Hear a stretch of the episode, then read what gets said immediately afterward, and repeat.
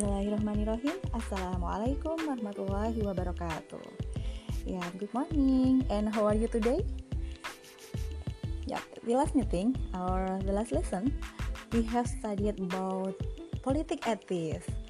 Yeah, and now we will continue about the new lesson. That is about Indonesian movement. Indonesian movement adalah sebuah karakteristik ataupun sebuah perjuangan yang ada di Indonesia Nah, yang di antaranya ini dipelopori atau diprakarsai oleh para pemuda di Indonesia. Para pemuda di Indonesia ini melakukan suatu pergerakan yang ada di Indonesia itu sebagai dampak dari adanya kolonialisme, adanya politik etis, sehingga memunculkan para pemuda ini untuk mendirikan organisasi-organisasi pemuda yang nantinya akan membawa Indonesia itu menuju ke arah kemerdekaan gitu. Nah, ada organisasi apa yang kemudian dibuat oleh para pemuda Indonesia? Di antaranya yang kita kenal dulu disebut dengan Indi Sovereignty. Ada lagi Budi Utomo, ada lagi Sarikat Islam, ada lagi Indi Separtich. Nah, terus kemudian ada lagi Sarikat Dagang Islam, Jong Java, Jong Selebes, Jong Minabhasa, Borneo, dan lain sebagainya.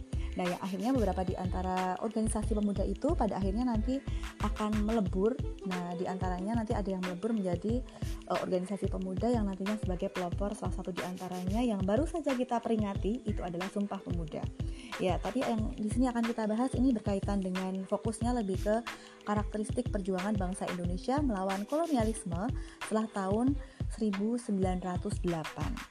Ya, apa bedanya ya antara ketika perlawanan yang dilakukan oleh pemuda Indonesia ataupun para pemuda Indonesia sebelum 1908 atau sebelum 1908 dan setelah 1908 apakah bedanya? Ya kita simak ya jadi kalau pergerakan dari pemuda Indonesia sebelum tahun 1908 atau sebelum 1908 itu dipimpin oleh raja atau bangsawan dan tokoh agama tapi setelah tahun 1908 Pergerakan pemuda ini dipimpin dan digerakkan oleh kaum terpelajar. Kaum terpelajar ini tergerak untuk mereka itu melakukan suatu pergerakan karena mereka itu semakin sadar dengan adanya uh, pendidikan yang kemudian mereka tempuh semakin tinggi lah sehingga mereka semakin sadar tentang adanya suatu keinginan untuk bisa merdeka dan terlepas dari kolonialisme. Itu yang ada ketika pas setelah 1908. Nah, dan selain itu, uh, ada lagi selain kalau tadi yang sebelum 1908 itu dipimpin oleh raja atau bangsawan. Kalau setelah 1908 dipimpin dipimpin oleh golongan kaum terpelajar. Dan bentuknya dalam bentuk organisasi kalau sebelumnya dulu uh, perlawanan itu dengan senjata. Kalau setelah uh, eh, 1908 ini akhirnya perlawanan dilakukan dengan sebuah organisasi. Loh kenapa dengan organisasi ya karena dalam organisasi ini kita nanti bisa melakukan suatu pergerakan untuk di antaranya itu melawan kolonialisme baik dengan cara diplomasi ataupun non non diplomasi ataupun radikal itu. Nah dan kemudian selain itu uh, yang kedua atau pembahasan yang kedua yang di, di antaranya nanti berkaitan dengan perbedaan karakteristiknya. Yang kedua uh, sebelum tahun 1908 itu biasanya bersifat kedaerahan. Nah, jadi misalnya kayak semacam dulu ketika di Ponorogo, ya sudah ada di wilayah Jogja saja dan Jawa Tengah. Nah, terus kemudian Cutnya Adin. Nah, itu ada di wilayah Aceh dan sebagainya. Nah, tapi kalau setelah tahun 1908, setelah tahun 1908 ini biasanya itu organisasi pergerakannya ataupun perlawanan pemuda Indonesia terhadap kolonialisme itu lebih bersifat nasional dan kemudian selain itu pun telah ada kerjasama antar daerah. Nah itu yang ada ketika setelah 1908. Jadi sudah ada kerjasama antar daerah. Nah, perbedaan yang ketiga, kalau sebelum 1908 itu biasanya bersifat fisik atau perjuangan dilakukan dengan mengangkat senjata yang tadi dikatakan dengan perlawanan. Nah, kalau setelah 1908 ini Diplomasi menggunakan cara-cara modern seperti media massa, perundingan, lobby, ataupun dengan cara mogok. Mogok di sini biasanya misalnya mogok terhadap uh, peraturan Belanda, misalnya di perusahaan-perusahaan ataupun industri, mereka biasanya melakukan semacam mogok kerja dan sebagainya. Nah, perbedaan yang keempat, sebelum tahun 1908 itu biasanya terfokus pada pemimpin yang karismatik Apabila seorang pemimpin itu meninggal ataupun ditangkap oleh kolonial, akhirnya berhentilah dari perjuangan atau perlawanannya. Itu ketika sebelum tahun 1908. Tapi setelah tahun 1908, dalam perlawanannya itu memiliki organisasi yang memungkinkan adanya kaderisasi. Jadi apabila seorang pemimpin mereka itu akhirnya meninggal atau tertangkap oleh musuh atau oleh kolonial, akhirnya akhirnya nanti akan digantikan dengan pemimpin yang lainnya. Ya itu perbedaan yang keempat tadi. Nah yang ada kalau yang sebelumnya itu karismatik kalau setelahnya bergantung tidak lagi bergantung pada pemimpin yang misalnya telah meninggal ataupun sudah ditangkap karena nanti akan digantikan oleh pemimpin yang baru. Itu. Kemudian perbedaan kelima kalau sebelum tahun 1908 itu bersifat reaktif atau spontan. Jadi ketika ada suatu masalah e, misalnya terusik, lah kemudian melakukan suatu perlawanan. Kayak misalnya contohnya misalnya ketika pas dulu di Ponorogo, nah kita tahu ada beberapa penyebab, ada faktor intern, ada faktor ekstern. Faktor internnya salah satunya karena e, perluasan jalan yang kemudian dibangun oleh kolonial itu melewati makam tanah leluhur dari Pangeran Diponegoro. Lah sehingga itulah yang nantinya akan mengusik dari e, perlawanan yang dipimpin oleh Pangeran Diponegoro beserta rakyat yang ada di situ waktu itu. Nah, selain itu pun juga faktor eksternal, eksternalnya berkaitan dengan kebiasaan tradisi mabu atau pesta yang masuk ke dalam lingkungan keraton. Untuk pemilihan apa kayak semacam pemimpin daerah dulu pun juga uh, dikuasai ataupun ada campur tangan dari kolonial. Itu salah satunya. Dan selain itu pun juga berkaitan dengan ini apa namanya uh, pemerasan yang dilakukan oleh kolonial kepada masyarakat pribumi. Lah sehingga akhirnya memunculkan adanya perlawanan yang bersifat spontan tadi. Jadi ada ketika ada suatu permasalahan gitu. Akan tetapi ketika setelah tahun 1908 itu biasanya mereka memiliki visi misi yang jelas yaitu Indonesia Merdeka.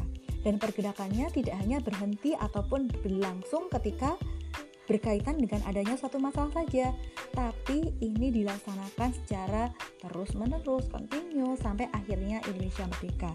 Itu itu yang dilakukan ketika setelah tahun 1908. Itu ya bedanya kalau yang sebelum uh, eh, 1908. Jadi kalau perbedaan perjuangan yang dilakukan oleh para pemuda di Indonesia sebelum dan sesudah tahun 1908 itu ada lima tadi.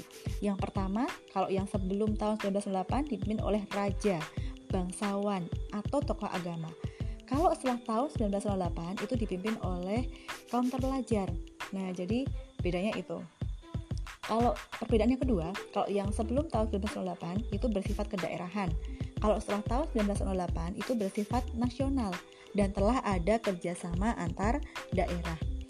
Nah, perbedaan yang ketiga, sebelum tahun 1908 itu bersifat fisik atau perjuangan dilakukan dengan mengangkat senjata.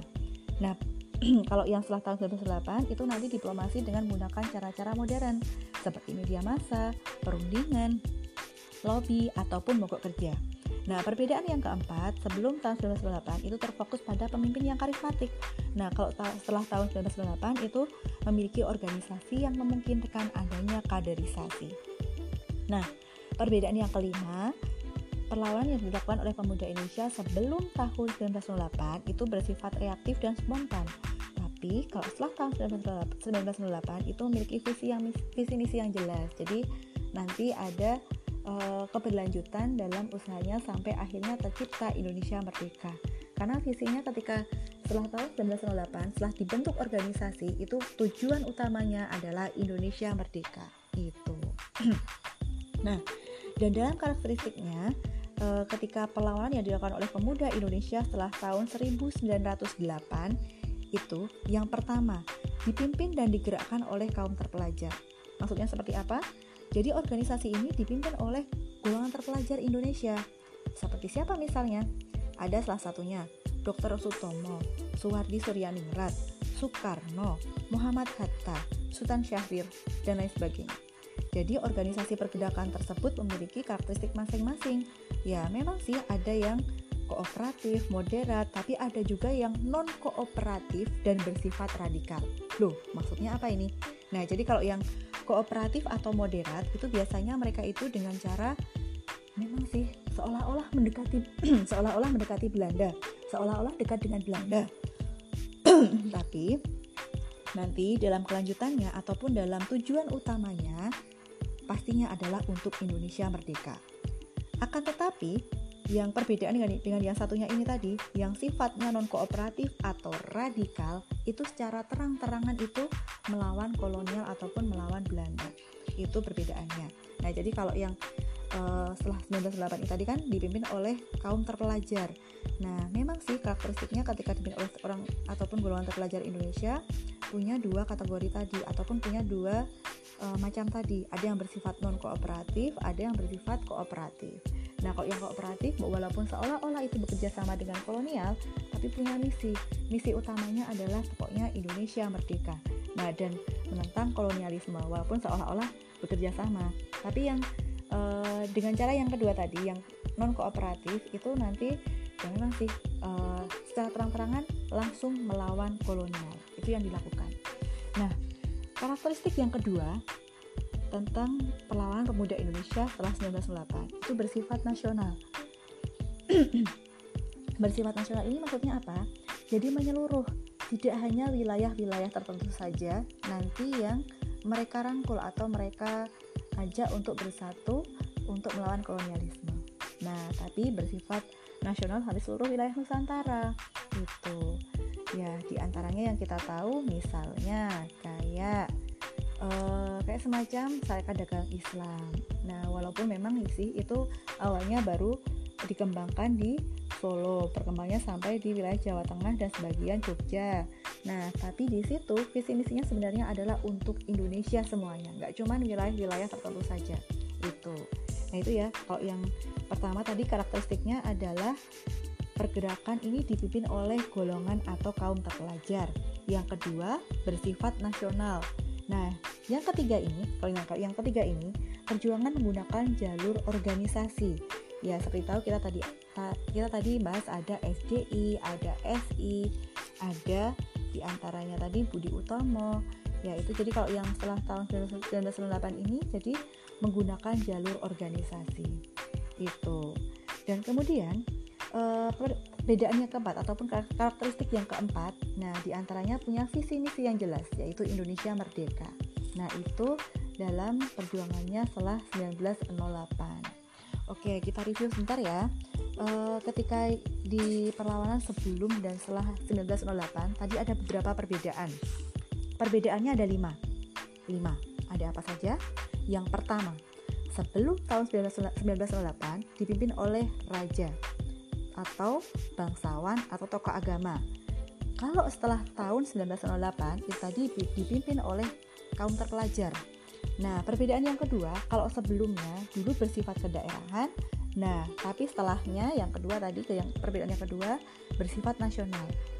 Perbedaan yang ketiga, sebelum tahun 1908 bersifat fisik, nah kalau yang setelah tahun 1908 itu bersifat diplomasi dengan menggunakan organisasi.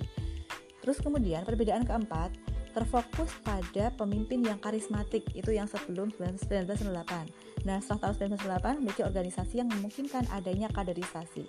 Nah, yang kelima, sebelum tahun 1998 itu bersifat reaktif dan spontan. Kalau setelah tahun 1998 itu nanti memiliki visi misi yang jelas yaitu Indonesia merdeka. Gitu. Nah, terus kemudian karakteristiknya uh, perlawanan ini ketika setelah 1908 itu memang dipimpin atau digerakkan oleh golongan terpelajar, bersifat nasional, menggunakan jalur organisasi, kemudian punya visi dan misi yang jelas, yaitu Indonesia Merdeka. Oke, kalau gitu untuk uh, selanjutnya silahkan boleh dicermati untuk tambahan materinya dan silahkan boleh dikerjakan untuk beberapa tugas yang ada di lampirannya. Ya, uh, silahkan dikerjakan. Semoga menjadi suatu ilmu yang bermanfaat. Assalamualaikum warahmatullahi wabarakatuh. See you next time.